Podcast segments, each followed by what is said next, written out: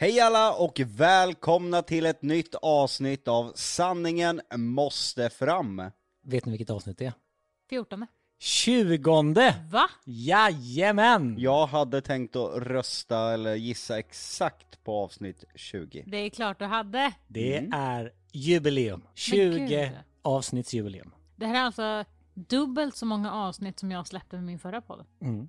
Då är vi dubbelt så bra som din gamla podd. Ja men det är vi nog. Ska vi köra ett poddtips? Kör.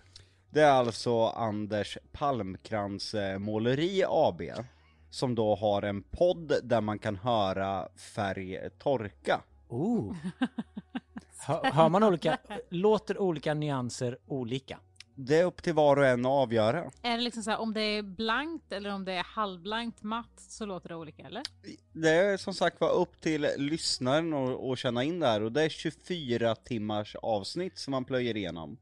Det låter ju väldigt, väldigt avslappnande om inte annat. Ja, vissa kan uppleva att det bara är helt tyst, men vissa hör det här liksom när, när färgen börjar torka till. Jag vet, är det en sån här grej du vet om man har ett sjätte sinne eller en sån där grej. Hör ni det här eller hör ni det här? Ja, eller så blåser han bara lyssnaren och försöker tjäna pengar på ingenting. Tjänar, tjänar han mycket, tjänar Palmkrans bra med, med deg på sin podd? Undrar ju. Miljoner. Oj, oj, oj, oj. Det låter ju som ett väldigt bra sätt att kanske plagiera. Ska vi försöka det? Nästa avsnitt, helt tyst. Och så säger vi bara att det är färg som torkar, så ser vi hur mycket pengar vi tjänar på det avsnittet. Bra idé. Men nu är det dags att köra vårt avsnitt. Det är ju min replik!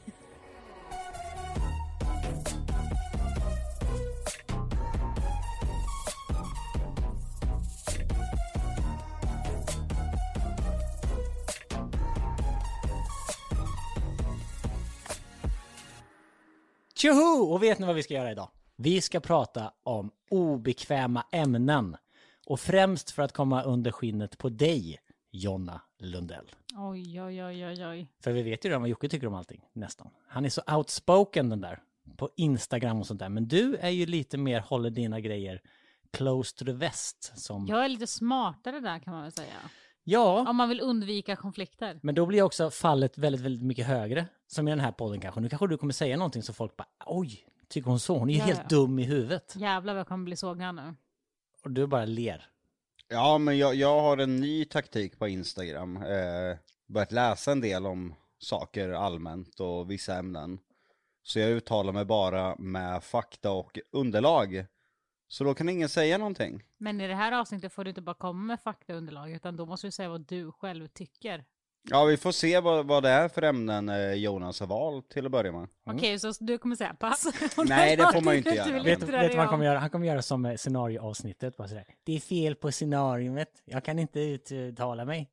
Får man säga. Ja, men det var mycket fel på vissa av de där scenarierna. Nej, det var väldigt många som tyckte att det var otroligt bra uppbyggt.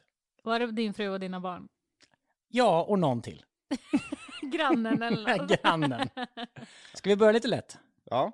Dödsstraff. Jonna, vad tycker du om dödsstraff? Alltså det, det här är någonting som kommer i vågor. När det händer någonting som är väldigt så här, stort så tänker man alltid så här, fan den där borde ju egentligen dö. Men samtidigt så vill man ju inte ta det från den lätta sidan tänker jag. Och jag tänker att ibland kan döden vara för lätt. Man vill kanske att personen som har gjort någonting jättegrovt ska få lida mer. Att liksom vara kanske inlåst. Men jag, ja, om man blandar in till exempel livstid. Det är ju inte en livstid. Nej, i Sverige är väl, du som kan Jocke, vad är livstid i Sverige? Det finns inget bestämt eh, straff och livstid där i Sverige. Ja, men, Men, men, det är kort tid ändå. typ, vad är 15-20 år? Någonstans där alltså, du får ju efter vissa olika tidsperioder eh, lämna in papper om att du vill bli frisläppt så då kommer de kolla på liksom om du är redo för att gå ut i samhället. Så det kan ju bli längre men ja, vi, vi har inte så lång livstid i Sverige om man säger så. Så äv- även om man får livstid så kan man ansöka om tidsbestämt straff. Exakt. Och när man har fått det straffet säger då att de säger så, ja ah, men okej, vi säger 30 år till dig då, för du gjorde det här hemska. Då får man ändå komma ut efter två tredjedelar. Ja, ungefär. Så efter 20 år då, får man komma ut. Det är inte många som sitter så länge ens alltså. Okej, men Jonna, du tycker att dödsstraff i vissa fall, men om man har gjort något riktigt jävligt, då ska de pinas istället? Nej, jag tror att jag gärna vill att folk borde tas bort från den här planeten ibland. Men att jag tänker att det är, det är typ att hjälpa dem. Jag vill ju att de ska må skit. Eller att lära sig, men ibland oftast lida. Du tänker att man ska lägga till en till straffgrej i Sverige. Man ska ha fängelse, dödsstraff och sen tortyr. Exakt, elektriska stolen och allt det där. Elektriska stolen är ju onekligen ett dödsstraff. Så där dör de. ja, men där är det verkligen tortyr också. Ja, det gör väl kanske ont innan man dör det, Ja. i några sekunder. Nej, men jag tycker väl inte, jag tycker väl att dödsstraff är, ja, men det är väl någon, en lätt utväg, tycker jag väl. Så att eh, jag tycker överlag att alla straff ska bli hårdare. Det tycker inte Joakim Lundell.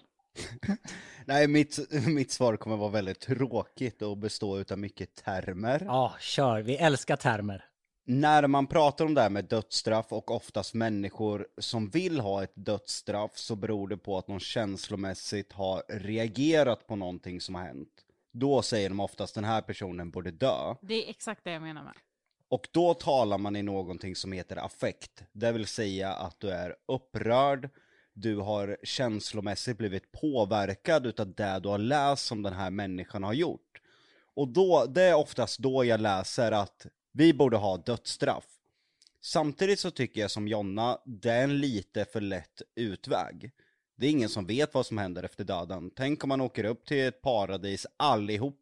Det finns ingen himmel, det finns inget helvete, det blir inte bara tyst. Utan man kommer till en mycket bättre plats.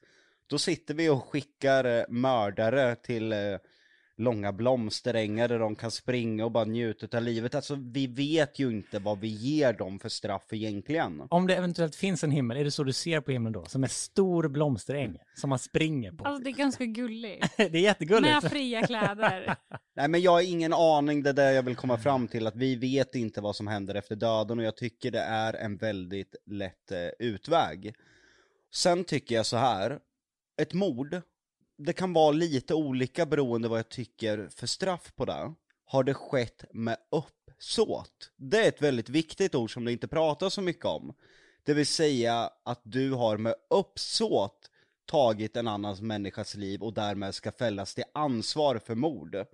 Då anser jag, då ska du inte ta ett enda steg ut i samhället igen. För då har du begått den här handlingen med uppsåt, din tanke var att döda den här människan. Men tycker du att den borde dö för det? Eller tycker du att den bara ska sitta inne i ett rum och bara ruttna och lida? Man, man ska vara inlåst i en livstid om man med uppsåt har tagit en annan människas liv. Det tycker jag för mig är givet. Men då ska det ju vara en riktig livstid och inte en jävla låtsaslivstid. Precis, det är det jag menar. Hela din livstid. Från du blir fälld för ansvar för det här brottet tills du dör. Har du tagit en människas liv, varför ska du få komma ut efter 10-15 år och gå i samhället igen och vara rehabiliterad? Varför? Jag förstår inte det, för du har tagit någon annans liv. Den personen kommer inte att gå i samhället igen. Nej, och där tycker jag att det är skillnad på mord och mord. Jag tycker att det är skillnad om man med liksom så här döda någon som inte har gjort något. Om ni förstår vad jag menar. Alltså helt sådär oprovocerat, gå på stan och se någon och så bara den där jäveln. Och sen bara hugger honom eller henne eller vad man nu gör. Men om det liksom har hänt något, om någon har gjort min familj illa eller något sånt och jag flippar ur och, och dödar den människan. Jag gör det kanske fortfarande med uppsåt. Men jag anser ju inte att den handlingen är lika illa. Om ni förstår vad jag menar. Men det, det, det handlar väl om lite, ja men exakt, jag förstår hur du menar där och det här handlar väl också om så här att, alltså jag tror att det är många också som har blivit friade där. För att det har funnits, alltså, vad säger anledningar till det. Förstår du vad jag menar? Att det ja, är, ja. Ja, det finns ju förstår, försvårande omständigheter i, i fallet och det finns som Jonna säger exempel på var en eh, pojke som blev kraftigt mobbad under en längre tid. Eh, de åkte utanför hemmet. En dag gick pappan ut med ett gevär och sköt en av de pojkarna och han blev eh, friad för det här. Så det är ju från fall till fall, men det jag menar är om du har överlagt, det vill säga planerat ett mord, genomfört det med uppsåt och det finns inga försvårande omständigheter som skulle förklara varför du har gjort det här dådet. Utan det är bara antingen att du lever en kriminell livsstil eller att du har en störning. Och har du en störning så är det ju samhällets ansvar att se till att du ska kunna gå på gatorna i, i Sverige. Det, det är inte liksom eget ansvar, utan staten har ett ansvar att ta hand om sjuka och störda människor. Så vad kommer panelen fram till? Ska vi ha eller ska vi inte ha dödsstraff i Sverige? Nej, mer li livstid på riktigt. Livstid och tortyr. Jag tror att livstid är tortyr, men jag fattar ju också att alla fängelser blir fulla då. Alltså det är, ju, det är väl där skon klämmer också, att det finns inte hur mycket plats som helst. Men då får man bara sluta vara kriminell. Jonna Lundell har lösningen. Sluta vara kriminell så behöver vi inte ens prata om dödsstraff. ja. Tror ni att det är en pina att sitta i just svenskt fängelse? Jag fattar om man typ sitter i fängelse i Thailand eller i något tredje eh, världen-land där liksom eh, det är bara anarki. Men Sverige känns ju ändå inte eh, obekvämt att sitta i, eller? Nej, jag håller helt och hållet med där. Eh, skippa straffrabatter, ungdomsrabatter. Man kan kolla specifikt fall till fall. Om det finns omständigheter som gör att straffet bör bli lägre. Men pratar vi generellt, skippa de här jävla mängdrabatterna. Att gör fem brott, blir dömd för ett, eller vi samlar ihop allting. Skippa åldern. För så som det ser ut i samhället nu med gängkriminaliteten att vara 17 år och skjuta någon, det, det är mer vanligt än vad man tror idag. Det gör att gäng skickar unga torpeder för att genomföra morden eftersom de kommer snabbare ut. Sen skickas de in i fängelse där de skaffar mer kontakter och kommer ut och är ännu farligare. Det är vad som händer. Och svenska fängelser idag, i och med att du inte sitter de här långa straffen som du till exempel gör i USA eller andra länder, så gör det bara att du skaffar en större kriminellt nätverk där inne och kan komma ut ännu farligare. Så nej till dödsstraff, hårdare fängelser, hårdare restriktioner och hårdare straff. Bra. Ska vi starta ett parti och eh, an anmäla oss, eller att säga, till valet? ja, för vi har ju verkligen ingenting annat att göra. Jonna, vilket parti röstade du på i förra valet? eh, Kristdemokraterna va? Nej, Behöver du fråga mig? nej men vad? Jag Ja, det var det Ja. du röstade på. Du röstar på Ja, Kristdemokraterna. men jag blandar ihop, det är vissa jag blandar ihop. Ja, Kristdemokraterna. Ebba Busch Thor. Ja, Var, var, hon, var hon eh, partiledare i förra valet? Mm. Varför röstade du på Kristdemokraterna? För jag kände, eller för att jag har ju alltid så jävla mycket sjukdomar och problem med kroppen och allt det där, så jag röstade faktiskt där på grund av sjukvården. Men sen är det ju så här att alla har ju liksom både för och nackdelar och jag är inte jätteinsatt så därför kände jag bara att okej, jag tar det som jag känner, som jag har läst mest om och kan mest om och vill mest då. Känner du att det är eh, det partiet du kommer rösta på i nästa val, eller har du ändrat dig? Är du en sån Ehm, som läser på lite inför varje val? Ja, men li lite så. Så att jag är ju inte insatt, alltså nu kan jag ju ingenting. Så jag måste liksom uppdatera mig lite, men eh, troligtvis. Vad tycker du om Ebba Busch? Jag gillar henne. Även om hon blåser Esbjörn. Ja. Esbjörn för- förtjänar det, eller vadå? Jag vet inte vem Edsbjörn Eh, hon har ju då köpt en fastighet eh, och eh, hävdat att hon har genomfört köpet, eller köpet genomfördes. Men eh, gubben som sålde huset hävdar att eh, han inte har gjort det, det, det vill säga med, med klart huvud. Och eh, han anser att hon har utnyttjat hans ålder och minne och allting för att få igenom den här affären.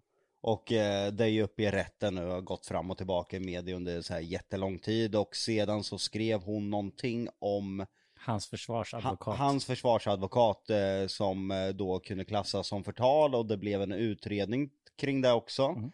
Och hon eh, tog strafföreläggande. Så hon är ju faktiskt dömd för det. Hon är dömd för förtal ja. Ja, det var ju inte därför riktigt jag röstade på. Och det här har ju gjort Men jag kan att, tänka eh, mig att det faktiskt är sant. Alltså nu spekulerar Det är jag bara. sant. Ja, ja, men alltså jag, ja, men jag menar bara så här att jag blir, jag blir inte jätteförvånad. Hon känns lite wild and crazy. ja. Och det roliga är att hon, hon även om alla sådär politiska experter säger så här, det här kan bli hennes fall. Liksom bara walk away från den där fastighetsaffären. Men hon fortsätter. Ja hon har ju tappat eh, förtroende, det har man ju sett i eh, mätningar och sånt de har gjort, att hon har tappat rejält med förtroende utav det här. Och det är ju som du säger att eh, för länge sedan, redan för flera månader sedan så sa folk walk away, det här kommer att straffa sig och det har det ju gjort nu. Mm. Det är inte värt det, sa de. Men jävlar vad hon vill ha det där huset. Hon ville ha det här huset. det får man ju ändå respektera på något sätt. Ja, och jag, jag känner bara så här att jag, jag vet ingenting om det där. Och det har ingenting med min röstgrej att göra. Och jag tycker inte att det, det ändrar inte min åsikt om, om sjukvården och allt det där heller. Så att eh, jag, jag kommer rösta på dig ändå tror jag. Får hon Jockes röst? Nej. Okej, vem får din röst? Jag anser väl att eh, det finns inget parti jag brinner för rakt igenom och jag tycker att alla partier idag ligger ganska nära varann.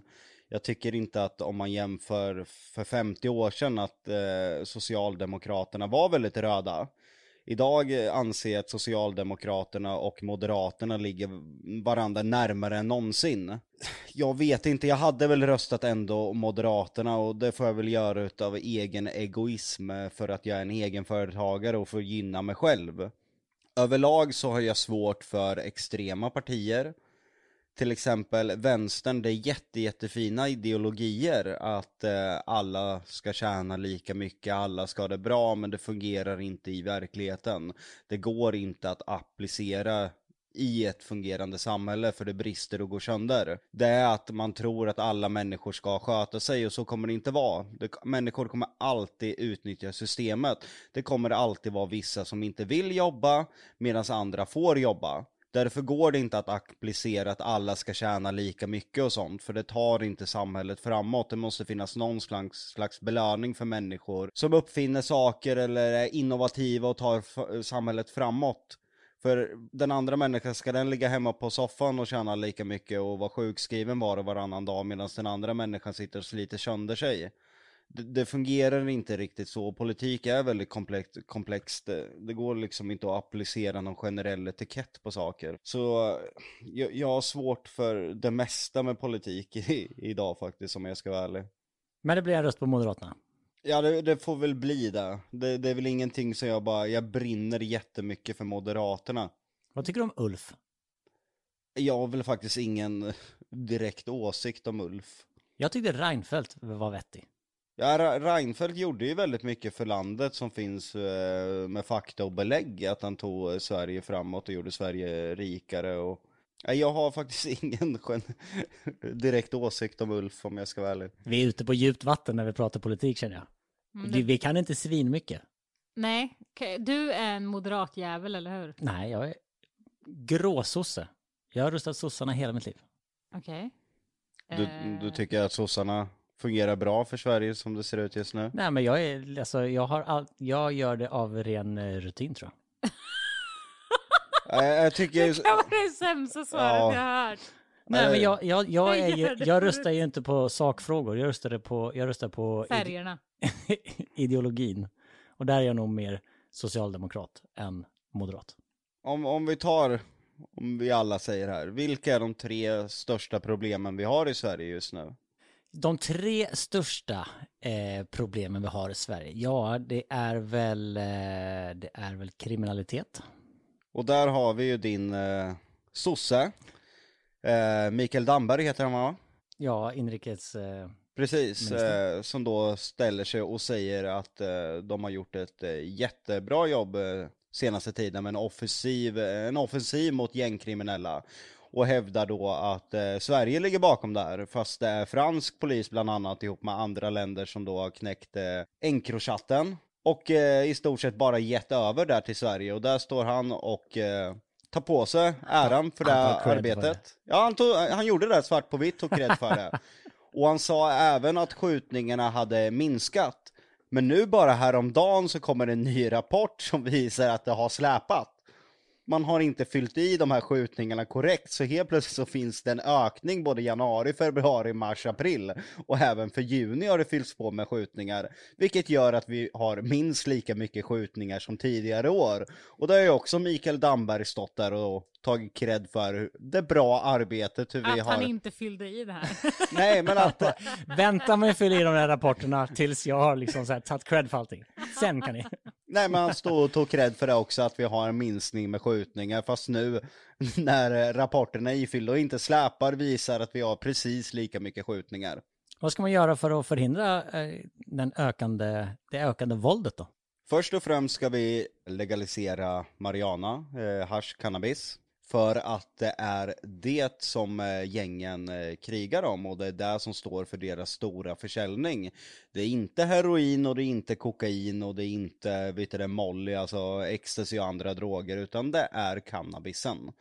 För det är så många idag som har en liberal inställning och köper det. Och det är inte bara folk i förorter som många kan tro som är droganvändare. Utan mätningar när man har tagit avloppsvattnet eh, och mätt av det vart drogerna kommer ifrån så är det rika och fina områden. Så cannabisen ger otroliga pengar till de här gängen som de kan rekrytera mer människor och göra ännu större nätverk. Genom att leg- legalisera det här så kommer vi ta bort en stor del utav deras inkomst. Och om vi gör så att det är bara via statlig väg man kan köpa cannabisen, det vill säga att kriminella nätverk inte kan öppna, som vi kallar det i Amsterdam, coffeeshops och därmed egentligen bara förflytta sin eh, verksamhet. Ja, ett systembolag för cannabis helt enkelt. Precis, då har vi tagit bort en del utav det. Sen måste vi ha skärpta straff. Jag eh, läser väldigt mycket om eh, människors åsikter huruvida vi ska döma folk. Det är väldigt mycket snack om att ja, men alla sexualbrottslingar kommer undan. Tyvärr, det är jättetråkigt, eller det är mer än tråkigt, det är upprörande.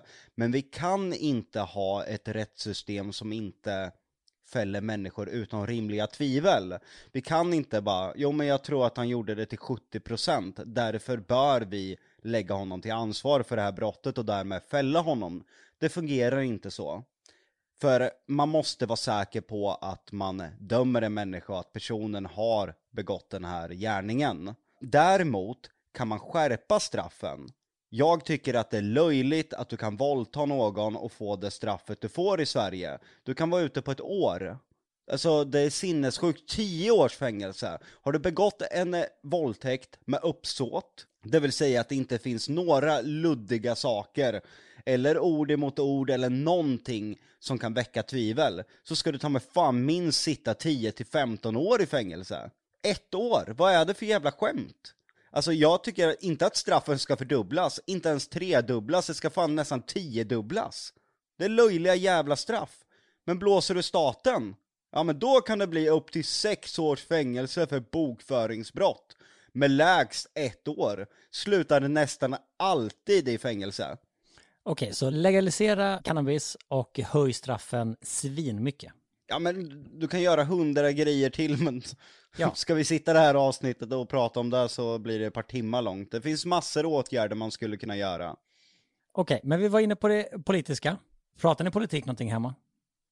Jonna är inte så intresserad av det där, hon är väldigt sluten människa från övriga världen om man säger så. Ja, jag blev lite förvånad att du inte hade hört någonting om Ebba Busch. Nej men alltså jag blir ju så jävla stressad av sociala medier vet du. Så Ja, men nej, jag har sociala ju... medier, läser du några tidningar? Nej, utan alltså jag är helt blockad för att jag känner att ibland kan det vara väldigt bra, men också att jag inte hänger med någonting. Jag- Jocke får uppdatera mig. Allt det här med de här poliserna och ehm, när det händer någonting och, och så vidare och så vidare. Alltså jag hänger ju inte med överhuvudtaget så jag får ju alltid fråga Jocke om saker. Men hänger du inte med för att du liksom känner att du inte har tid, eller för att du inte bryr dig, eller för att du inte vill veta allt hemskt som händer? Lite av varje tror jag. Jag tror att det handlar mycket om att om jag ska sätta mig in i det så vill jag verkligen ha 100% fokus på det. Jag vill inte bara vara lite luddig liksom. Och jag blir så jävla stressad av allting. Alltså när det händer saker och när folk bara så här, varför delar inte du det här? Varför gör inte du det här? Och då det, vet jag inte om någonting, då kan jag inte dela det för då är jag inte insatt i det. Alltså det, det blir liksom en grej så här att jag kan inte dela någonting om jag är halvinsatt, utan då måste jag vara 100% insatt. Och jag känner inte att jag har den tiden att liksom kunna lägga på det. Men du behöver ju liksom inte, allting behöver ju inte delas. Nej, nej, men jag menar alltså generellt av saker överhuvudtaget. Jag vill verkligen vara fokuserad när jag vet det och då är det bättre att om det är någonting som, som jag ser en lite skymt av att jag går till Jocke för då är han alltid påläst om det och då kan han berätta det för mig och då tar det två minuter och sen har jag förstått allt det. Hur eh, känner du att eh, liksom ert liv påverkas av att Jonna är så sluten? Jag kan tycka det är skönt ibland faktiskt, men ibland så saknar man väl att kunna prata lite djupare och bolla tankar och idéer, för det visar ju väldigt mycket vart man kanske står som människa. Men samtidigt så tycker jag det är väldigt befriande att Jonna, man får väl säga lite att hon är i den här när man föder barn så blir det ju en bebisbubbla precis när barnet har kommit och man kan väl säga att Jonna har gått in i en långvarig bebisbubbla och eh, sluter väldigt mycket utanför. Jag tror att eh, man måste ju utgå ifrån sig själv och sin egen familj och jag tror att det är som Jonna säger att eh, det stressar henne väldigt mycket. Jag tror att hon, hon känner väl att hon har ganska svårt att förstå informationen på egen hand. Mm. Tror jag. Eh, Kan det vara det det handlar Men alltså om? det har ju alltid varit så. Alltså typ historia och allt sånt där har jag haft väldigt svårt för i skolan. För att det är så mycket, ja men alltså jag kan inte komma ihåg någonting som jag läser. Och speciellt när jag inte är intresserad. Och det är så här, jag kan ingenting om politik, jag kan ingenting, alltså jag vet inte ens filmtitlar. Jag vet inte ens, alltså låttitlar eller, alltså jag kan ju inte ens nämna en enda person som faktiskt är på Spotify-listan, på topplistan, på världslistan eller Sverigelistan. Jag är så ointresserad av sånt där och det är liksom, jag vet inte, det sätter sig inte. Och jag tror att det har med det att göra, men berättar Jocke någonting, jag är ju intresserad av honom och vad han har att berätta, så då sätter jag mig in i det. Så att jag tror att det har att göra med vart källan kommer ifrån också. Det vill säga så kan jag, om jag vill, fungera lite som Nordkorea. Det vill säga Jag att ska precis säga det, det kan, du, kan ju, du styr ju nyhetsflödet här hemma. Så du kan ju verkligen få henne att tro vad som helst. när hon kommer ut och jag lurar på henne allt vet Ja, du. ja men du kan verkligen så bara, eh, Jonna, eh, vi kan inte lämna huset just nu för det pågår en virusspridning. Eh, eh, eh, alla där ute är zombies. Du kan ju spela ut din zombie-apokalyps på riktigt. Eh, knäck barnens sparbössor för att vi går över till euro inom kort nu. Så att jag kommer ta hand om pengarna och åka och växla dem. Precis. Jaha, har vi euro nu? Fan vad sjukt. Nej men jag respekterar Jonna, är hon ointresserad av det där så Jag- tycker att hon gör så mycket bra på hemmaplan, eh, så jag eh, känner inte att jag kräver utav min partner och vara politiskt insatt eller insatt i sociala medier. Ibland kan jag till och med tycka att det kan vara lite bättre att leva i sitt eget liv än att leva i ett brus dygnet runt. Ja, det känns ju som att väldigt många människor försöker leva andra människors liv. Det här med liksom, när man följer influencers, ja det måste ju ni ha råkat ut för ganska mycket. Att folk ser... Folk känner oss bättre än oss själva. Ja, men lite så. Mm. Eller hur? Ja, ja. Alltså det är så många som jag bara, jaha, har jag varit där? Eller jaha, har jag gjort så? Är... Ja, att folk liksom lever sitt liv genom andras ögon istället Mm. för att gå ut och uppleva det själv. Mm. Okej, då har vi avklarat politiken. Vet du vad vi ska prata om nu? Köttindustrin. Där vet jag att vi är ganska överens. Ja, alltså, jag har ju läst om att vi människor inte är gjorda till att äta kött egentligen. Att vi människor faktiskt är växtätare. Och att vi eh, långvarigt blir sjuka utav kött. Och det, det tycker jag är lite läskigt. Tror du på det då? Eh, jag vill inte uttala mig riktigt om den frågan för att eh, jag vill ju att man ska vara väldigt källkritisk. Det här är någonting jag läst i förbifarten. Jag kan inte precisera vad jag har för källa på det och därför vill jag vara väldigt försiktig med det uttalandet. Utan jag hänvisade till att det är någonting jag hört och eh, ja. Men så här är det ju. De flesta som äter kött vet ju ungefär hur köttindustrin fungerar. Det är inte så att de flesta djur är liksom så, som i reklamen. Har hur mycket plats som helst och går och betar och har det mysigt innan de liksom varligt slaktas och eh, skärs upp och serveras till människor. Det är ganska grisigt. Jag kan på riktigt säga att jag är en av dem som inte kan titta på såna här dokumentärer för att då hade allting förändrats och jag äter inte så mycket av det andra så att jag vet inte hur jag hade klarat det. Du vågar inte chansa. Nej, men grejen är också att jag äter typ inte så mycket kött. Visst gör jag inte det? Det är alltid så här, det är alltid det som är kvar på min tallrik när jag har ätit färdigt. Så jag, jag kan typ, men jag vet inte. Jag är så jävla känslig för typ blod och sånt där också. Jag hade inte kunnat klara av att kolla på det. Men jag tror på riktigt att nu finns det så stort utbud av alla möjliga, ja men av snitslar och av köttbullar och eh, köttfärs och allt vad det är. Så nu tror jag ändå att det, det hade nog gått bättre. Det finns all, många alternativ nu att kunna välja på. Men känner du att du skulle kunna testa att sluta äta kött en vecka bara för att se? Ja, men det, det skulle jag kunna. Men jag skulle inte typ klara mig utan skaldjur. Och fisk vill jag ha. Men om du skulle göra det så skulle det inte vara för djurens skull. Sk- Eller skulle det vara det? Alltså både och, men alltså jag gillar det ju inte så mycket heller. Så att det är liksom inte, det är inte så att jag bara, oh shit, jag älskar det så mycket, men jag älskar djuren mer, så jag, tyvärr. Vad säger du Jocke? Det är en svår fråga. Eh, Jag tror väl det handlar om att det händer så mycket skit i världen redan som det är. Man tar del av väldigt mycket dålig information. Så jag tror att man någonstans, eh, människor som äter kött då, är ganska resistenta när man tar i det här eh, paketet till exempel med blandfärs, att orka tänka hur gick eh, resan till det här eh, paketet som jag håller i? Jag tror att man försöker skärma av, låtsas om som att det inte händer någonting. För att man inte orkar psykiskt ta del av vad som faktiskt händer med djuret. Jag tror att det ligger mycket till grund för att de som äter kött fortfarande gör det. Och jag kan känna igen mig själv i det. Någonstans fattar ju jag att djuren har det inte sådär jättebra när man eh, åker iväg till slakt. Men eh, samtidigt skulle det vara ganska jobbigt om man gjorde som eh, till exempel eh, tobak. Att eh, jag kommer där och, ja, jag ska ha ett kilo köttfärs. Ja okej, då får du se den här filmen på 30 sekunder före du köper köttfärsen. Då vet jag fan om jag hade köpt den där köttfärsen. När du menar på cigarettpaket så finns det ju varningsbilder där man ser människor som ligger med lungcancer och håller på att dö. Och man ser svarta lungor överallt fyllda med kära. Ja precis, som att eh, när du köper kött i butiken får du följa med, vi säger att det ser ut som ombytesrum i Följa med klädbutiker. ba- bakom kulisserna. Ja men det finns så här ombytesrum bara att där, där får du se djurhållningen liksom. Jag tror att människor fortfarande äter kött i så stor mängd utan människor handlar om att man inte orkar psykiskt ta del av hur det går till med djurhållningen. Och där får jag ta på mig. Jag hade gärna varit vegetarian eller vegan, men sanningen att säga är att jag hade inte överlevt det. Grejen är så här också, att jag vet att i programmet Farmen, ja men där måste de ju slakta. Och de som inte tittar på slakten får ju inte äta köttet. Jag hade 100% inte ätit köttet, för jag hade inte klarat av, jag kan inte se det där, utan det måste vara färdigt, liksom.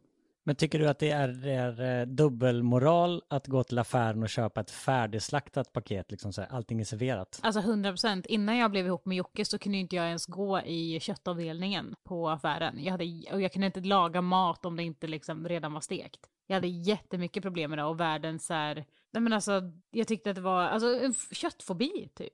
Hade du dåligt samvete? Nej, över- alltså jag tyckte att det var äckligt. Aha. Det var liksom. Alltså jag har ju fortfarande väldigt svårt för, alltså jag kan inte se filmer när de alltså, håller på med knivar eller alltså slåss och det kommer blod eller någonting. Jag har jätte, jättesvårt för sånt där. Jag håller ju på att svimma om jag börjar blöda någonstans liksom. Vad tycker du om dubbelmoralen? Ja men det är ju en dubbelmoral. Som jag sa så hade jag absolut kunnat tänka mig vara vegetarian och, eh, eller vegan. Men som jag tidigare sa så hade jag inte överlevt. Jag äter inte lök, jag äter inte sallad, jag äter inte broccoli. Det är nog lättare att säga vad du äter. Ja men precis, paprika, blomkål, jag äter ingenting, rucola. Alltså du äter gurka och tomat. Det är de grönsaker jag äter och förstå hur jag skulle må då, framförallt som vegan. Det finns ingenting jag äter. Ser jag en vegetarisk eller vegansk meny så finns det ingenting där jag äter utan att eh, kräkas. Jag kan bli så jävla avundsjuk på människor som kan ta en fräsch caesarsallad. Och sen vet jag att, jaha, det är kyckling jag äter i den. Ingenting annat. Nu kommer det finnas folk där ute som bara åh, det finns så mycket goda recept. Så skicka dem Ja, i ja. så fall till sanningen måste Ja, fram. men grejen är ju att han äter ju inga tillbehör eller vad man säger, utan det är ju liksom pasta eller, Eller- potatis. Kött och, Och pota- är kött det- och potatis. Ja, ja, men det är verkligen där. Och jag är ju helt tvärtom. Jag kan skippa köttet bara jag har typ såser, om jag har ja, men, pasta eller potatis och sen kan jag äta liksom mängder med typ grönsaker. Så där är ju vi så himla olika. Sen nu finns det fler eh, ve- vegetariska och veganska produkter, men från början så var det väl mest korn va? Ja, fan vad det är äckligt. Och det innehöll ju svamp. Och svamp är det värsta jag vet på hela jorden. Det finns ingenting, alltså min fobi mot svamp, den är så extrem att får jag i mig en svamp, jag kommer att, du. ja, och intala mig själv att jag har svårt att andas, det kliar i halsen. Trots att jag faktiskt på papper inte är allergisk mot själva svampen.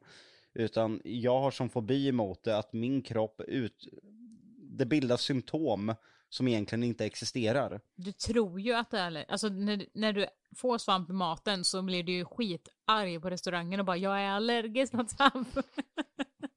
Ja, det finns exempel, jag har spytt rakt utanför dörren på en restaurang. Jag beställer då en eh, pasta, oxfilépasta. Jag tror jag till och med säger till att jag inte ska ha svamp. Mm. Sen blir det ett misstag. Det är ganska dov belysning där inne så man ser inte sådär jättebra. Eh, jag får tallriken, sitter och äter och tänker att fan vad, vad mjukt köttet alltså. Och sen säger du till mig att jag ska smaka. Och då smakar jag bara, men det är ju i. Du bara, nej jag tog utan. Nej jag lyser med mobilen. Nej, jag lyser med telefonen. är det du som bara- lyser med mobilen? Och det är bara, oh my god, det var typ tre köttbitar och kanske 50 svampar. Så jag får ju kasta mig från bordet. Han bara, jag måste gå ut ett tag. Ja, jag hinner bara öppna restaurangdörren, den här stora porten där man går in till restaurangen och sen spyr jag direkt utanför. Alltså det var verkligen så här hur det bara flög ut. Alltså hur det nästan... Exo Exorcisten-kräk. Ja, det Ja. var det verkligen. Och då var nästan så att han knappt hann öppna liksom. Och tryffel. Jag klarar, jag klarar inte lukten, jag kräks rakt ut utav lukten. Så jag överlever inte utan kött i nuläget, utan de får komma med bättre, vad kan man säga? Bättre substitut. Bättre substitut. Eh, vegan och eh, vegetarianmarknaden får gå lite framåt. Vi väntar några år innan vi överger köttet helt helt enkelt. Men jag tycker det är en bra sak att göra och jag tror väl faktiskt någonstans, även om jag inte har någon källa på det, att vi kanske inte är gjorda för att äta kött. Ja, du är ju det uppenbarligen eftersom du inte, din kropp inte klarar av något annat. Nej, men det är någon fobi från barndomen som har satt sig djupt att jag inte äter grönsaker. Det var någon gammal lärare som tvingade i dig grönsaker. Man fick sitta kvar Kan i, varit ett i foster, skolan. en fosterfamilj. Kan varit, eller vet du att det var? Det var det. Okej. Okej. Det var ju så det såg ut eh, på den tiden. Det var ganska strikt. Sitt kvar, äta upp. Sätter sina spår. Det sätter Men sina alltså spår. såg det inte ut så hos alla? Jo, Eller? Jo, det kan det göra. Men jag har, jag har mest minnen av i skolmatsalen, vet, om man tog för mycket mat och så bara sådär, ah, Vi Fuck. fick inte ta för jag mycket gillar mat. Nej men i, i, vissa skolor som jag har gått i fick man ta själv, andra så blir man serverad. Men i vilket fall som helst, om man inte gillar det och ville gå, liksom, gå och slänga, så har jag något minne av att en lärare bara, nej, du ska äta upp. Och så liksom, alla andra gick därifrån och så satt läraren bara kvar med mig och bara tittade på mig Oh tills jag åt God. upp det som var på tallriken. Alltså fatta, typ, typ när man är sådär sex år, det är ju helt sjukt. Tortyr. Ja, verkligen. Ja, det är ju dock väldigt bra att lära sig att man inte ska slösa med mat. Det är Absolut. dock en... Men, men å andra sidan, jag tror att när man är så liten så lär man sig nog av bara liksom en... Tillsägelse. Det, det, ja, jag tror det är skillnad om man hade gjort det tio gånger i rad. Bara, där kommer den där jävla ungen Jonas, han slänger alltid så mycket mat. Men när det liksom är en gång och man liksom blir traumatiserad Ja men det är ju efteråt. okej att inte tycka om all mat. Alltså det Ja. måste jag väl ändå säga. Att det Ja. är... Ja det måste man ju faktiskt få göra. Eh, jag har också en sån här traumatisk händelse från eh, fosterfamiljen. Eh, det serverades sån här falukorv i ugn ihop med pepparrotssås. Och pepparrot Oh är ta mig fan bland det värsta jag vet. Mm. Och då hade jag fått en portion där som det var massa pepparrotssås på. Och jag kommer ihåg att jag fick sitta alltså fyra, fem timmar kvar vid bordet och försöka trycka i mig det där. Tills de gav upp liksom. Och då var det sura mig när man tog bort tallriken och sen fick man gå och lägga sig. Men alltså så här, man kan inte tvinga någon att tycka om en maträtt, men man måste smaka på allt. Precis. 100 procent. Det säger, men... jag, det säger jag till mina barn. Ja, ja. Om mina barn, eh, om jag lagar mat och serverar och de bara säger jag gillar inte det, jag tänker inte äta. Ah, Okej, för att du kommer inte få något annat och du ska smaka. Mm. Gillar du det inte då, då är det okej. Då kan vi göra Ja. något annat eller ta en macka eller något sånt där. Men Exakt. du kan inte säga att du inte gillar det förrän du har smakat. Nej. Nej, Bra alltså, inställning. Ja, ja, men alltså det är verkligen 100% så, för att det är, det är, liksom, det är så människor är. Man, Ja. Det finns saker man inte gillar och det kommer ju absolut inte finnas större utbud för att man tvingar någon. Liksom. Men då är det så roligt att se när barnen liksom bara testar lite och så ser man att de tycker om det. Ja, och exakt. så bara, Så vad ska du ha din ruttna Mm. macka nu? och sen bara, okej jag, kan, jag kan ta lite till. Man bara, just det, ungjävel. Det var den där kycklingen va? Ja, det är alltid kyckling. Det är alltid kyckling hos mig. Okej, nu kommer vi in på ett riktigt tungt ämne där isen är väldigt tunn. Invandring. Jag tror vi tycker ganska lika där också. Ta hand om alla i Sverige först. Invandring är väl bra, men det måste ju vara till en normal mängd. Eller liksom en, det kan inte vara mass grej, utan man måste kunna ta hand om alla, för annars vad, vad är meningen med det? Ja, meningen är väl att om man flyr från ett krigshärjat land och inte har någonstans att ta vägen så är ju det på något sätt bättre för dem såklart att komma hit än att inte få komma hit. Ja, men jag tror ändå att det skapar mer problem också. Ja, jag, menar, jag säger inte att jag har någon rätt svar. Det är Jo, jätte... det sa du. Nej, jag säger bara, det är jättekomplext och det är det här som Eh, det andra extrempartiet vi har i Sverige som eh, du var inne på Vänsterpartiet förut. SD såklart rider ju på den vågen. Eh, det känns ju också som Moderaterna har börjat haka på lite där och det känns ju som att det är lite främlingsfientliga vindar som rår i Sverige. Eller? Det är ju som sagt var en eh, komplex fråga precis som du beskriver men grundtanken måste ju vara ett eh, fungerande samhälle för det vi kallar Sverige och där vi bor. Och man måste ju alltid gå efter att eh, infrastrukturen och samhället ska fungera och att vi ska ha kapacitet till att ta hand om sjuka människor, hjälpa människor ur kriminalitet, få människor att få arbete, det vill säga grundstenarna för att ha ett samhälle.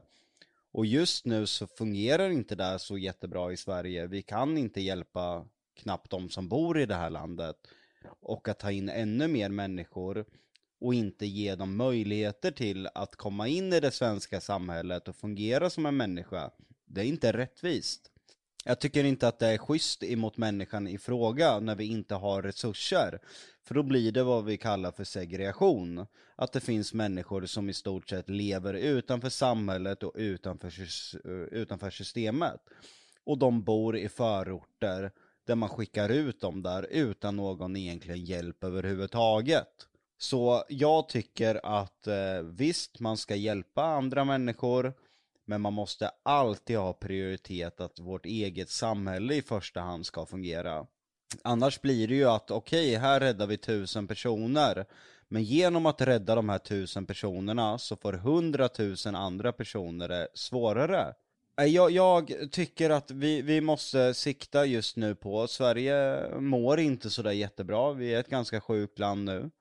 Eh, med extrema mängder kriminalitet som tar över samhället och vi, vi, måste vi måste styra upp det här landet för eh, vi tar in ännu mer människor och det har ingenting med rasism att göra. Jag är absolut inte främlingsfientlig på något sätt. Och sjukvården just nu är också väldigt labil.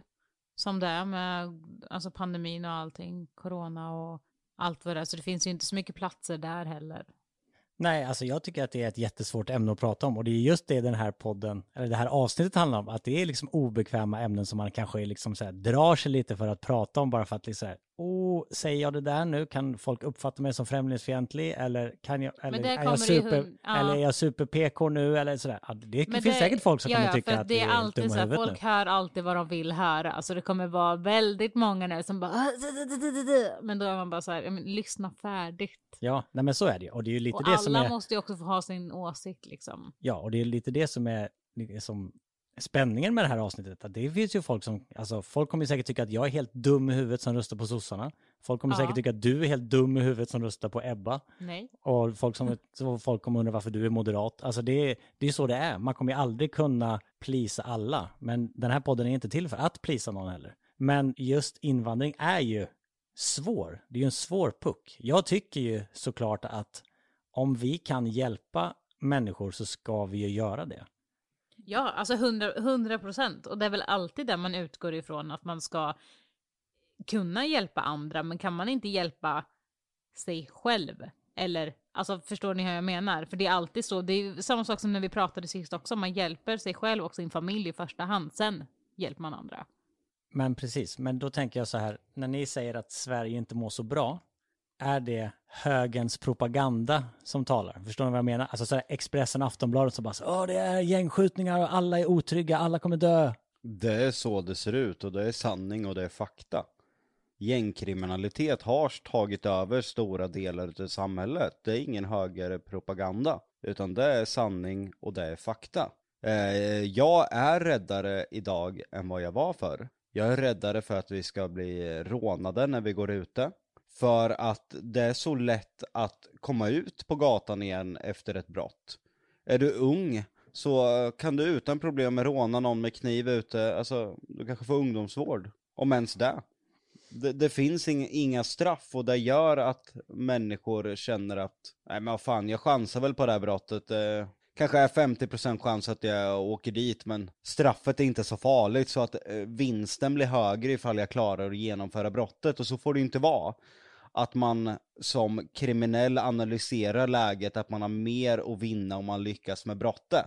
Hade det varit så att det stod ett skyhögt straff på andra sidan, då kanske den här vinsten för brottet inte är lika värt längre. Nej, så är det. Nej men det, det, det är som sagt var ett svårt ämne att uttala sig om utan att låta främlingsfientlig. Min målsättning är att eh, det svenska samhället ska fungera så bra som möjligt för alla människor som just nu befinner sig i Sverige. Och man måste ju prata med de människorna som finns i Sverige. Då hade jag gärna velat se en undersökning på alla människor som bor i Sverige. Tycker du ditt liv är bra? Tycker du det fungerar? Tycker du det svenska samhället finns där för dig? Tycker du att du känner att du har de rättigheterna du har som människa?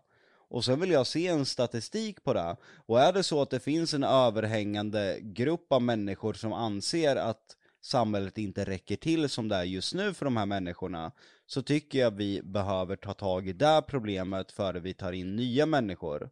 Vi måste ju ge människor som kommer hit en chans till ett arbete, en chans till att känna sig som en del utav det svenska samhället. Det kan inte vara så att vi tar hit människor som till slut känner att kriminalitet är den enda utvägen att försörja sig på och sätta dem i områden där det finns mycket kriminalitet så att de normaliseras vid tidig ålder vid den här kriminaliteten och att deras drömmar blir att beckna knark för att det är snabba pengar när de blir äldre. Det är svarta pengar, du får dem rakt i fickan. Ja, alltså mycket handlar ju om vart de här personerna som kommer in hamnar också. För det är ju där deras vänner blir. Det är ju där de skapar vänner, bekanta, det är grannar och så vidare och så vidare. Och de sätter ju oftast, det är väl oftast där det finns tillgängligt med lägenhet där folk kanske inte vill bo, där det är de värsta ställena och det är där de hamnar. Det blir ju jättekonstigt.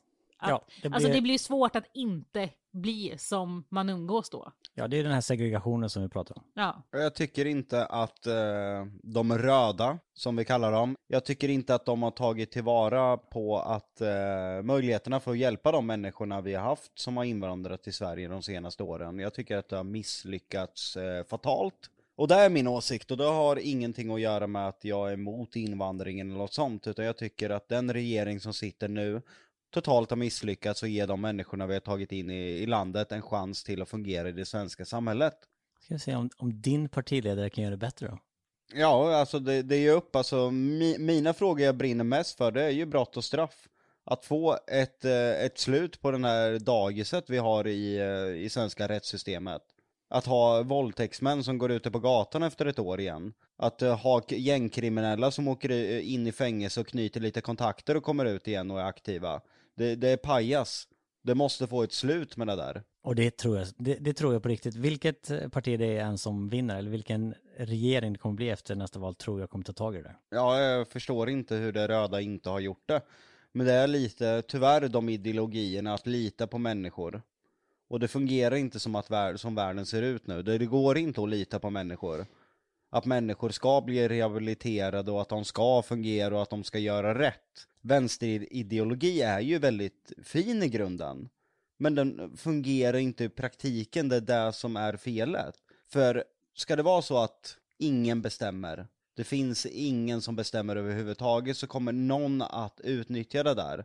Och det kommer bli någon som håller koll på att ingen bestämmer, och sen kommer det bli en rangordning utav människor oavsett hur man gör. Tills det fallerar, och det har vi sett i så många Ryssland har haft kommunism, Venezuela, det här landet eh, ligger väl totalt i spillror både ekonomiskt och hur människor mår där. Det, det har inte fungerat de här ideologierna. För från början så presenteras det ju som väldigt fint att alla ska ha samma rättigheter, alla ska ha rätt till allting, alla ska tjäna lika mycket. Men det, det handlar ju mycket om, tyvärr, att bestämma hur människor ska vara. Nej, jag, jag, jag, jag har svårt för det där. Kommunism, vilken skit. Ja, det är skit. Sam, nazism det är också skit. Rasism det är också skit. Alla ytterligheter, skit. Ja, allt när, när det blir extremt, det är inte bra. Jag tycker Moderaterna och Socialdemokraterna kan eh, bilda regering tillsammans.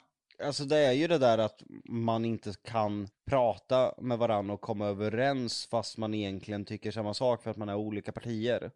Jag tycker man borde ha kommit ifrån det för väldigt länge sedan. Ja, precis. Men det känns ju som att, precis som du sa i början där, att jag tror ju egentligen inte att partierna tycker så annorlunda, så de borde kunna samarbeta bättre. Ja, ja. Så är det. Vi är inga politiker. Vi säger bara det vi tror och vad vi tycker.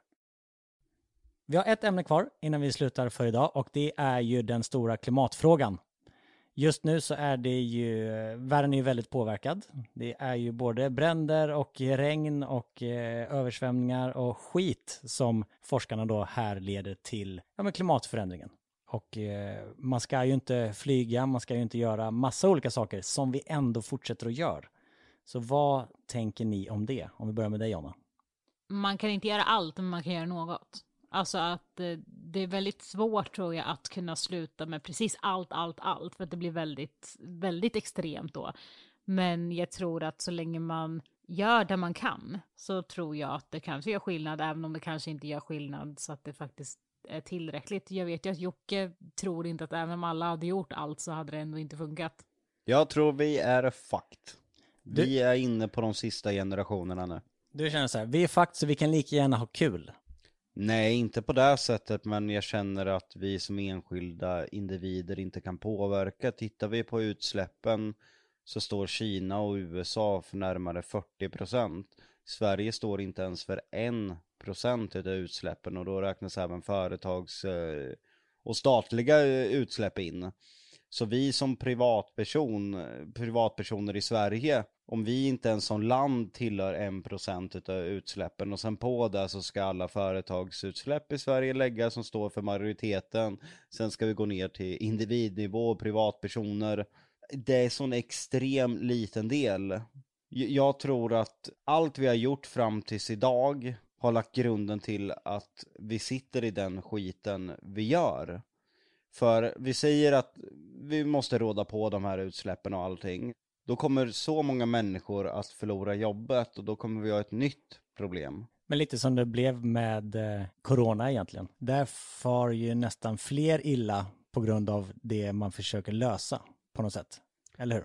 Exakt, vi har kommit till den punkten att spindelväv, eh, spindelnätet går sönder hur vi än gör det för att det är vi som har format det hit. Det här skulle vi ha tänkt på för hundra år sedan när vi byggde upp den infrastruktur vi hade idag.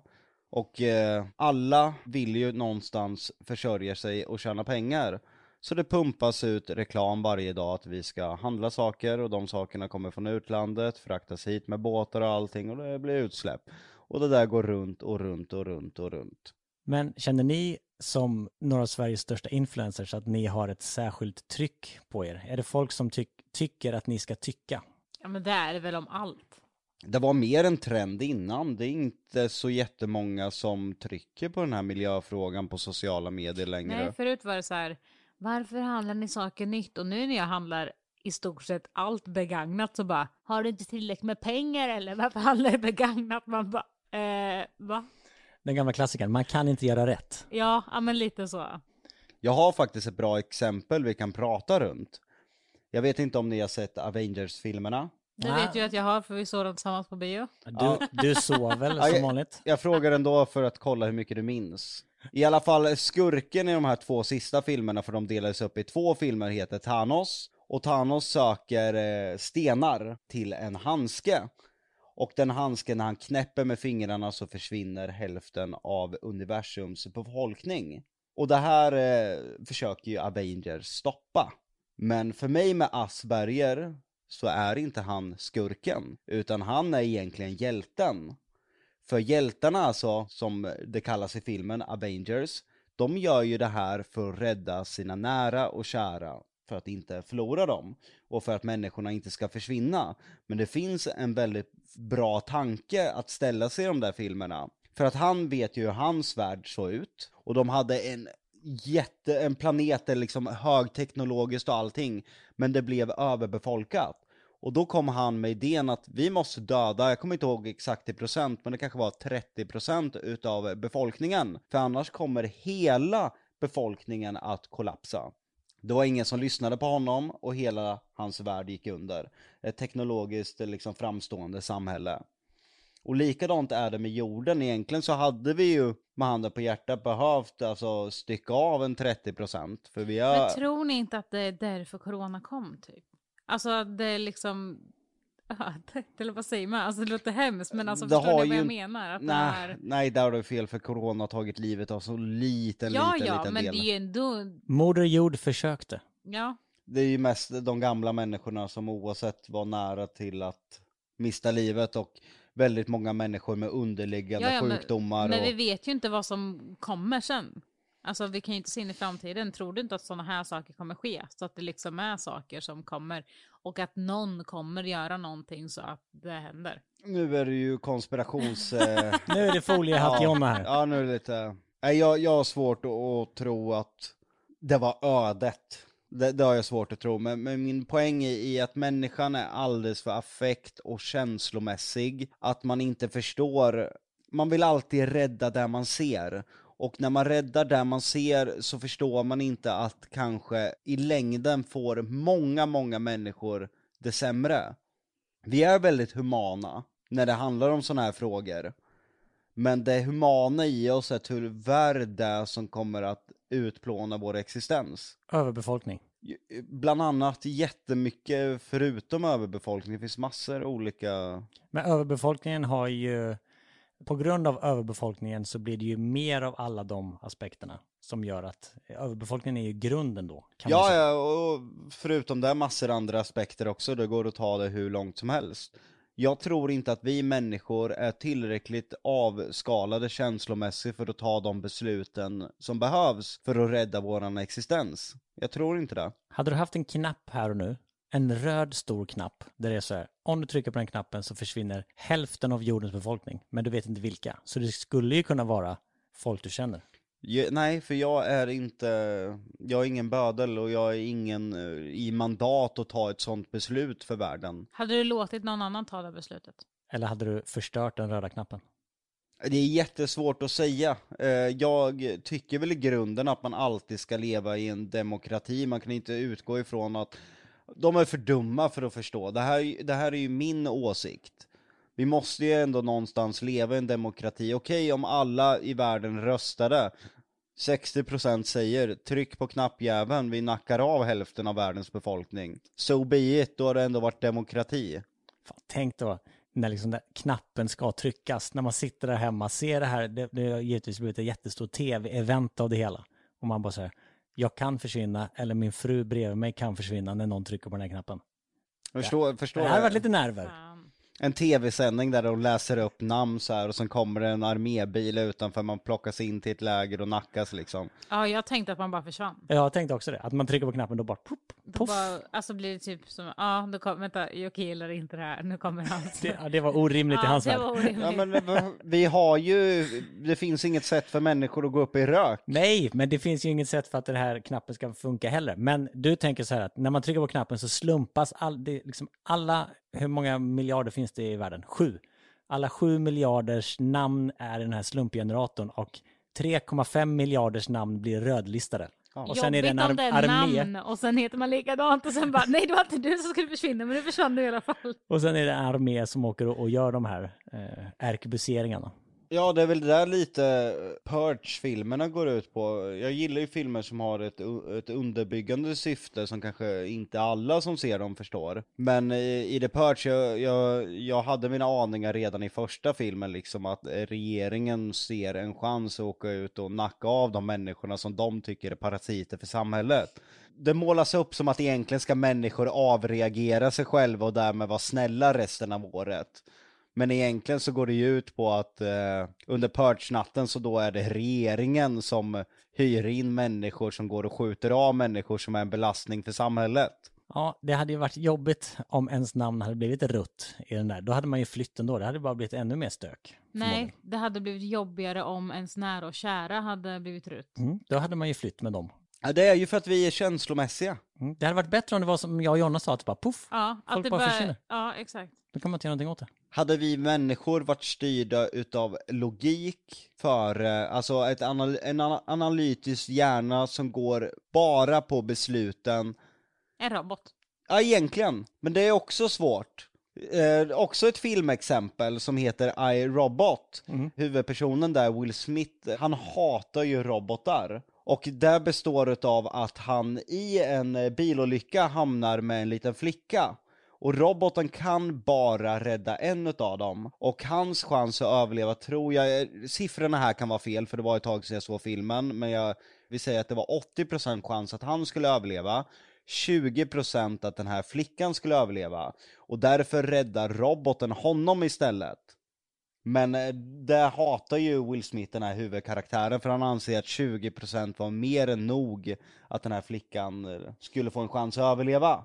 Vad fan är han sur på roboten för? Han klarar sig. Men han, han är ju en hjälte, Will Smith ska ju alltid ha en bra karaktär där. Snälla. Så han hade ju velat offra livet för att den här Ja, flickan skulle såklart. få leva. Det, Den det, jävla, den där jävla flickan hade inte överlevt ändå. Nej, det hade ju bara varit 20% som sagt var, men hela filmen bygger då på hans hat emot robotar där. Eller filmen handlar om väldigt mycket mer också sen, men det är en av grundstenarna till att eh, varför filmen uh, fortlöper som den gör, det är hans avsky emot robotar. Men det är det jag menar att egentligen så hade det behövts någon, någon som räknar ut och tar beslut utifrån faktorer som inte är känslomässiga. Men det kan också vara fel, alltså jag vet inte, vi, vi, vi är fucked oavsett säger jag. Jorden kommer gå under, vi kan inte göra någonting åt det ändå. Nej, så men- du kommer fortsätta flyga, fast du flyger ju inte. Men du kommer fortsätta äta kött, du kommer köpa bilar som släpper ut mycket avgaser, du kommer köpa nya kläder. Förmodligen. Och Jonna kommer köpa begagnat. Ja. Bra Jonna.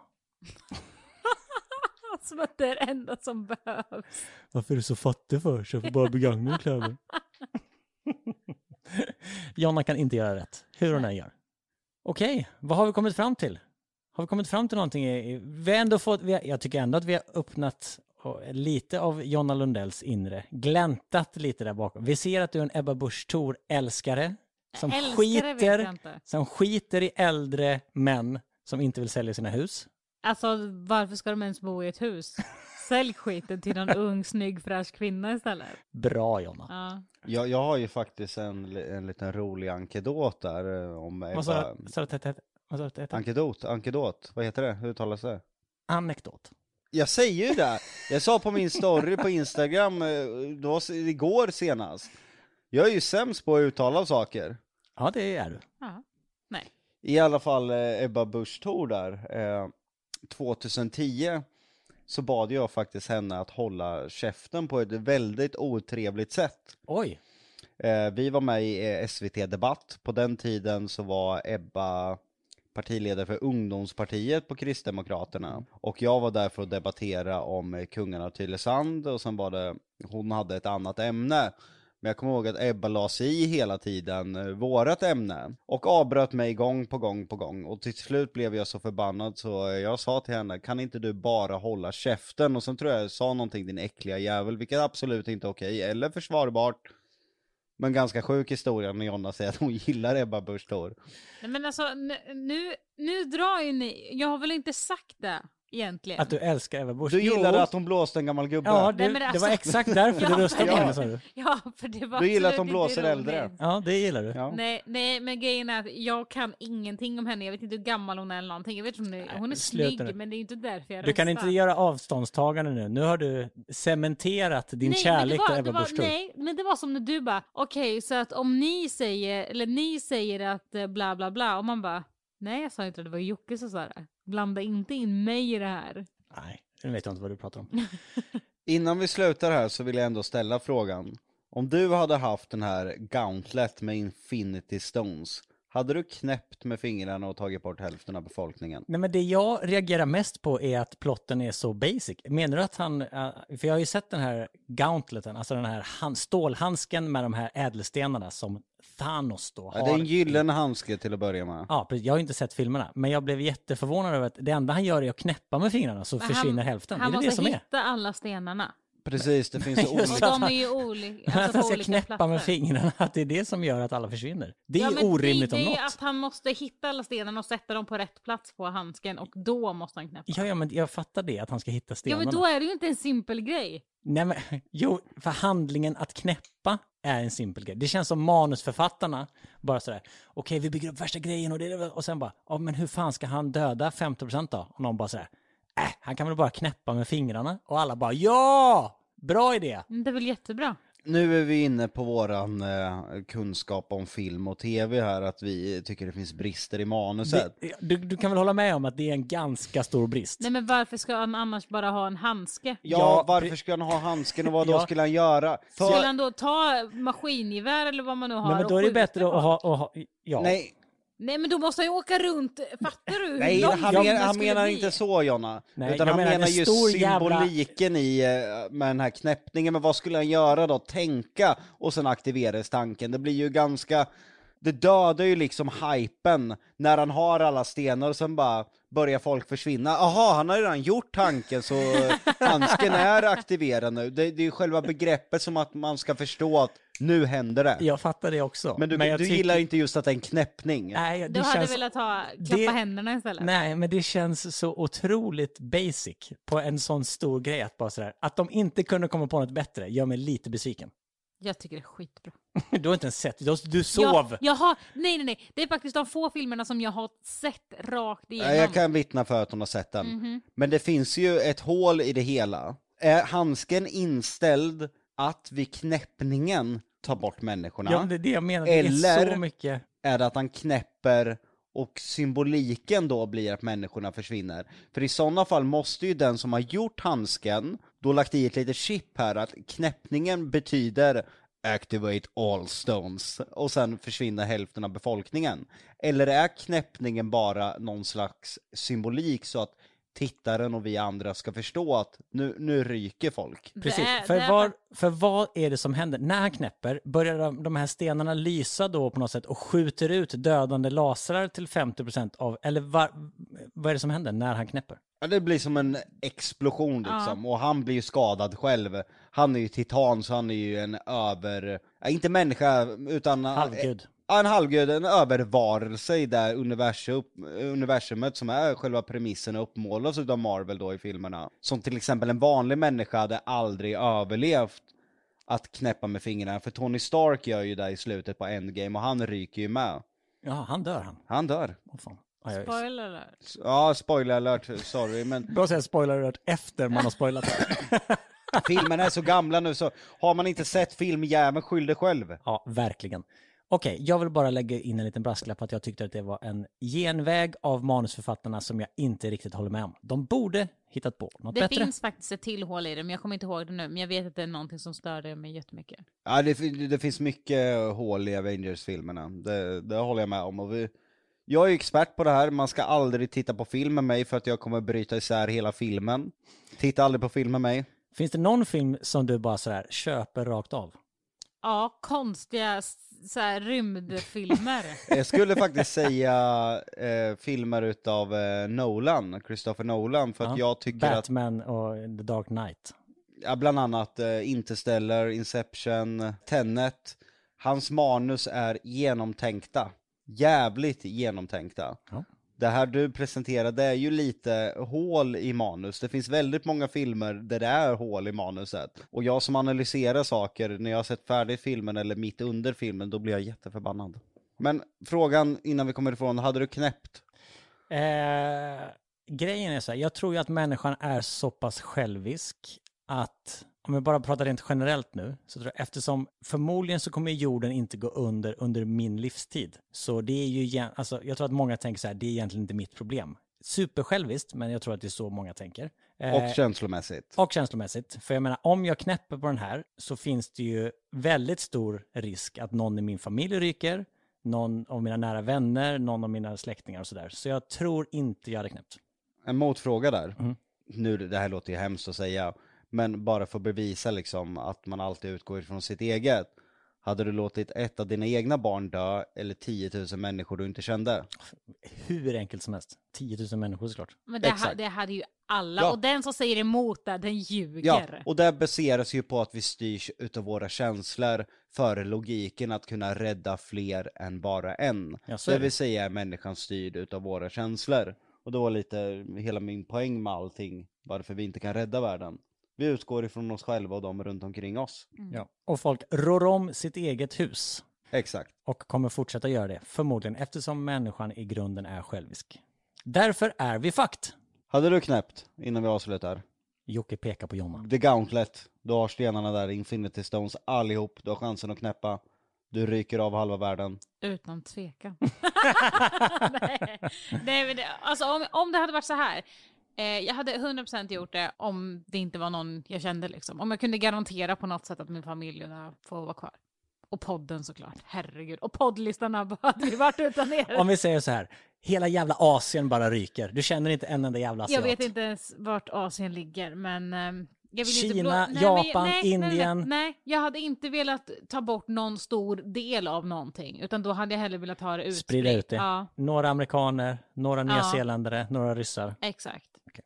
Det hade känts för hemskt på riktigt alltså. Att ta bort en hel etnicitet. Ja, men exakt, det hade det faktiskt gjort. Men Thanos kommer ju på sen efter det här knäppet att, Att han kunde klappa med händerna att det inte fungerar som han hade tänkt sig. Mhm. För att människan kunde ju inte gå vidare med livet, utan vi, det är för känslomässig, för sörjande. Men är det för halva, halva världen ryker? Ja, men de kommer ju tillbaka sen. ja, det är ju slutet Och det är bara Tony. Stark som vinner då. fan. Eller som förlorar. Nej, eh, vad är de heter? Black... Eh, Black Widow. Ja, Ja, men hon är ju inte jättekänd och betydelsefull i det. Eller? hur menar du då? Att Tony Stark är väl lite mer, det är väl lite mer ledsamt. Man har ju inte så, alltså man har ju ingen, förstår du, man känner inte henne. Okej, Scarlett Johansson är ju en ikonisk karaktär, hon är ju med sen första, hon är ju till och med med i de gamla Iron Man-filmerna. Idag så är hon väldigt arg över sin roll där, men många tänker inte på att hon redan syns i de första Iron Man-filmerna. Jo, jo, men det jag menar med att man känner inte henne. Sen hur länge hon har varit Det är med. klart man gör. Nej. Alla Vad är andra- hennes alla- favoritfärg? alla... vad, är Tony Starks favoritfärg? Röd. Nej jag tycker du har fel, jag tycker absolut att Black Widow är en karaktär Du tycker hon är känner- snygg, förlåt. Ja, Scarlett Johansson har utsetts till eh, världens Okej, så du tycker som alla kvinna. andra? Nej, jag tycker att hon ser bra ut, absolut. Men jag tycker att hennes karaktär Black Widow är väldigt viktig för serien. Oh, Förlåt, vet, ni vad, vi ska, vänta, vet ni vad vi ska prata om i nästa avsnitt? Frikort. Det blir kul. Ja, det blir svinkul. Hen, hennes relation med Bruce, Bruce, eh, Bruce Banner, alltså Vet inte vilka de Hulken. är. Hulken. Okej, Ja. Det är en väldigt fin relation och deras band som utvecklar sig, hennes relation med, med Hawkeye. Hawkeye däremot säger många är en väldigt överflödig och betydelselös karaktär. Jag, jag tycker absolut det är ledsamt när, när hon går bort där. Mm, då, fa- då, då kommer en tår. Nej, inte en, inte en Nej, jag, tår. jag blev ledsen när Tony Stark, på riktigt, jag började gråta när han gick bort. Som att han gick bort på riktigt. Ja men det gjorde han ju. Jag blir ledsen över manusförfattarnas oförmåga att skriva ett bra manus. Det blir jag ledsen över. Att alla dör och sen kommer alla tillbaka. Man bara, okej. Fast det, Rimligt. det visste man innan. Ja, då är det ju ännu sämre. Nej men alltså det, den är uppdelad i två. Det är en blockbuster, det är så Ja, det ja. går till då. Man, Okej. man visste att de skulle komma Ja, tillbaka. jag gör så här, jag åker hem och ser den. Och så får vi se vad, vi har, vad jag har för Nej det recension. är de, det, måste, det är två. Gode gud himlen. Jag ska se båda filmer. Men det, nu det, vet ju det är du ju för att som händer. människor ska få må, må bra i slutet. Ja, såklart. Ha, har du sett fattar jag väl. filmen uh, The Mist uh, bygger på, Ja, jag tror det, det är det, Stephen är ju King. inget bra slut. Jätteont i magen flera dagar har man. Det är därför en blockbuster Gud. inte kan sluta på det här sättet, i och med att en blockbuster liksom vallfärdar folk för att se den här filmen på bio. Förstå om alla skulle sitta där och må så här jävla dåligt som man gör i slutet av, eh, heter det The Mist va? Eller? Ja, ja. Den ska du inte se, Jonna. Nej, Nej, fy gud. fan vad dåligt Det man hade mår jag nog alltså. inte klarat av. Han tror att han gör, eh, Sin son en tjänst Ja. och Ha- skjuter honom. han har tre skott, eh, han tror, deras eh, verklighet är att Spoiler alert. världen är förstörd. Det är en dimma överallt och i den här dimman så finns det Ett odjur typ. ja, odjur och äckliga kryp och sånt som dödar människor. Och de åker i en bil som tar slut, eh, bensinen, alltså bränslet tar slut. Han har tre skott i pistolen och känner att är barmhärtigast, han skjuter sin son och sen ett äldre par tror jag det är. Efter han har gjort det, då kommer militären, dimman försvinner, de kommer med eldkastare och det har bara varit en liten del av världen där dimman har varit och det har varit ett eh, fel på ett labb. Jag har sett den. Är det är så jag jävla sett hemskt alltså. för jag somnade förmodligen. Men jag vet en till sån film. Eh, när de sitter vid middagsbordet. Would you rather? Ja. Ja. den, den mår man också ganska dåligt utav. Riktigt dåligt. Men Ja. fi- filmen är bra, men man mår dåligt. Okej, vad tar vi med oss efter det här avsnittet? Vi är inte fakt. ett skit. Inte, ja, vi är fakt och Jonna älskar Ebba. Det tycker Ja. jag var kul. Det, här- det här avsnittet ska heta Jonna hjärta Ebba. Ja. Ja. Exakt så. Bra, okej. Kul, det var lite snårigt. Det är ju jobbiga ämnen att prata om. Det kommer vara kanske någon som tycker annorlunda. Det är helt okej att Det göra får man. det. Man får tycka annorlunda. Eh, det här är högst subjektiva känslor som vi pratar om och våra känslor är våra känslor. Och det måste man kunna få. Och våra tankar. Absolut. Absolut. Toppen! Då säger vi tack för att ni lyssnat och vi hörs i nästa avsnitt. Jonna, take it away! Hej då!